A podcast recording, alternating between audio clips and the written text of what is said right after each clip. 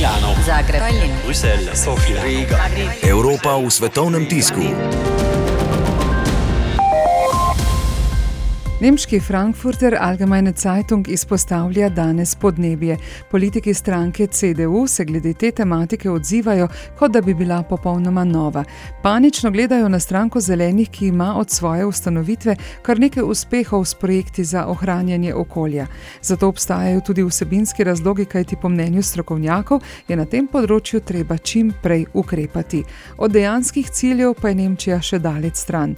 Dokler bo možno za samo nekaj evrov leteti po Evropi in otroke z avtom voziti v šole, je že vsaka misel na ohranjanje virov življenja dobra investicija.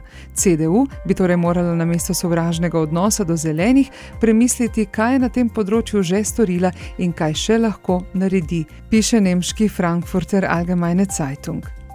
Britanci se pa poleg premijskih kandidatov lotevajo tudi visoke številke splavov, ki so jo zabeležili lani. The Times piše, da se je številka povzpela v nebo, saj so jih opravili več kot 200 tisoč, kar je za 4 odstotke več kot leto prej. Za več splavov kot prejšnja leta se je odločilo tudi več starejših žensk, več kot polovica od njih pa ima vsaj enega otroka. Predvsej pa se je znižal odstotek mladih, starih manj kot 18 let. Evropska komisija je pred junijskim vrhom Evropske unije voditelje pozvala, naj si prizadevajo za napredek pri pogajanjih o naslednjem večletnem proračunu Evropske unije za obdobje 2021 do 2027, da bo mogoče doseči dogovor do jeseni, pišejo naše finance.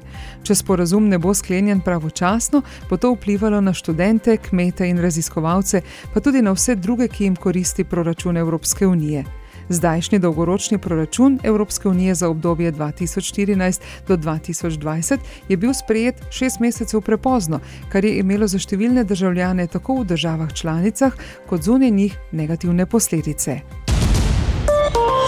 Milano, Zagreb, Tallinn, Bruselj, Sofija, Riga. Evropa v svetovnem tisku.